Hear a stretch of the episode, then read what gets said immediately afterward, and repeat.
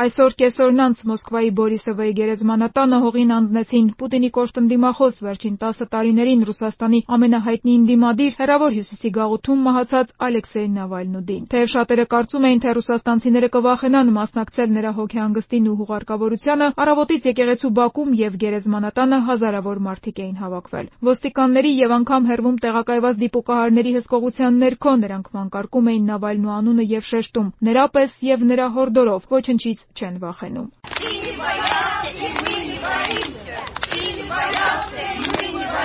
Սուքո արարողությունից հինգ ժամ առաջ արդեն ոստիկանները սկսել էին հավաքվել եկեղեցու մոտ։ Ըստ հաղորդումների՝ մոտակա բազմահարկ բնակելի շենքերի տանիքներում դիպուկահարներ էին տեղակայվել։ Նավալնու ընտանիքն ու թիմակիցներն ավելի վաղ գրել էին, թե իշխանությունները խոչընդոտել են անգամ նրա հուղարկավորությանը։ Հարազատներին օրեր շարունակ չէր հաջողվում սգո սրահ գտնել։ Ի վերջո որոշվեց հոգեհանգիստն անցկացնել եկեղեցում։ Մարինոյում, ուր ապրել է Նավալնին տարիներ առաջ, մինչև որ նրան թունավորել էին 2020-ի օգոստոսին։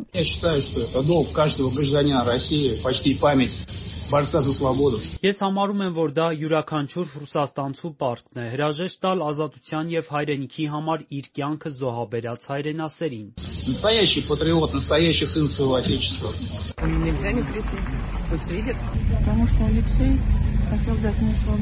Ալեքսեյն ուզում էր մեզ ազատություն տալ։ Ալեքսեյն ասել է՝ «Մի վախեցեք, ես էլ չեմ վախենում»։ Ես չեմ կարող ասել՝ ինչու եմ հիմա այստեղ։ Ես պարզապես չեմ պատկերացնում, որ կարելի էր չգալ։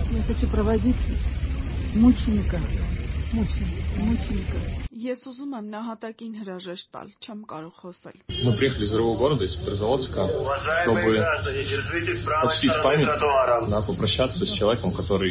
Մենք ուրիշ քաղաքից ենք եկել՝ Պետրազավոդսկից, որպեսզի հրաժեշտ տանք մի մարդու, ով իր կյանքն է մեզ համար զոհաբերել։ Տխուր օր է, բայց տեսնում ենք, թե ինչքան մարդ է եկել, ուրեմն մենք չենք հանձնվելու։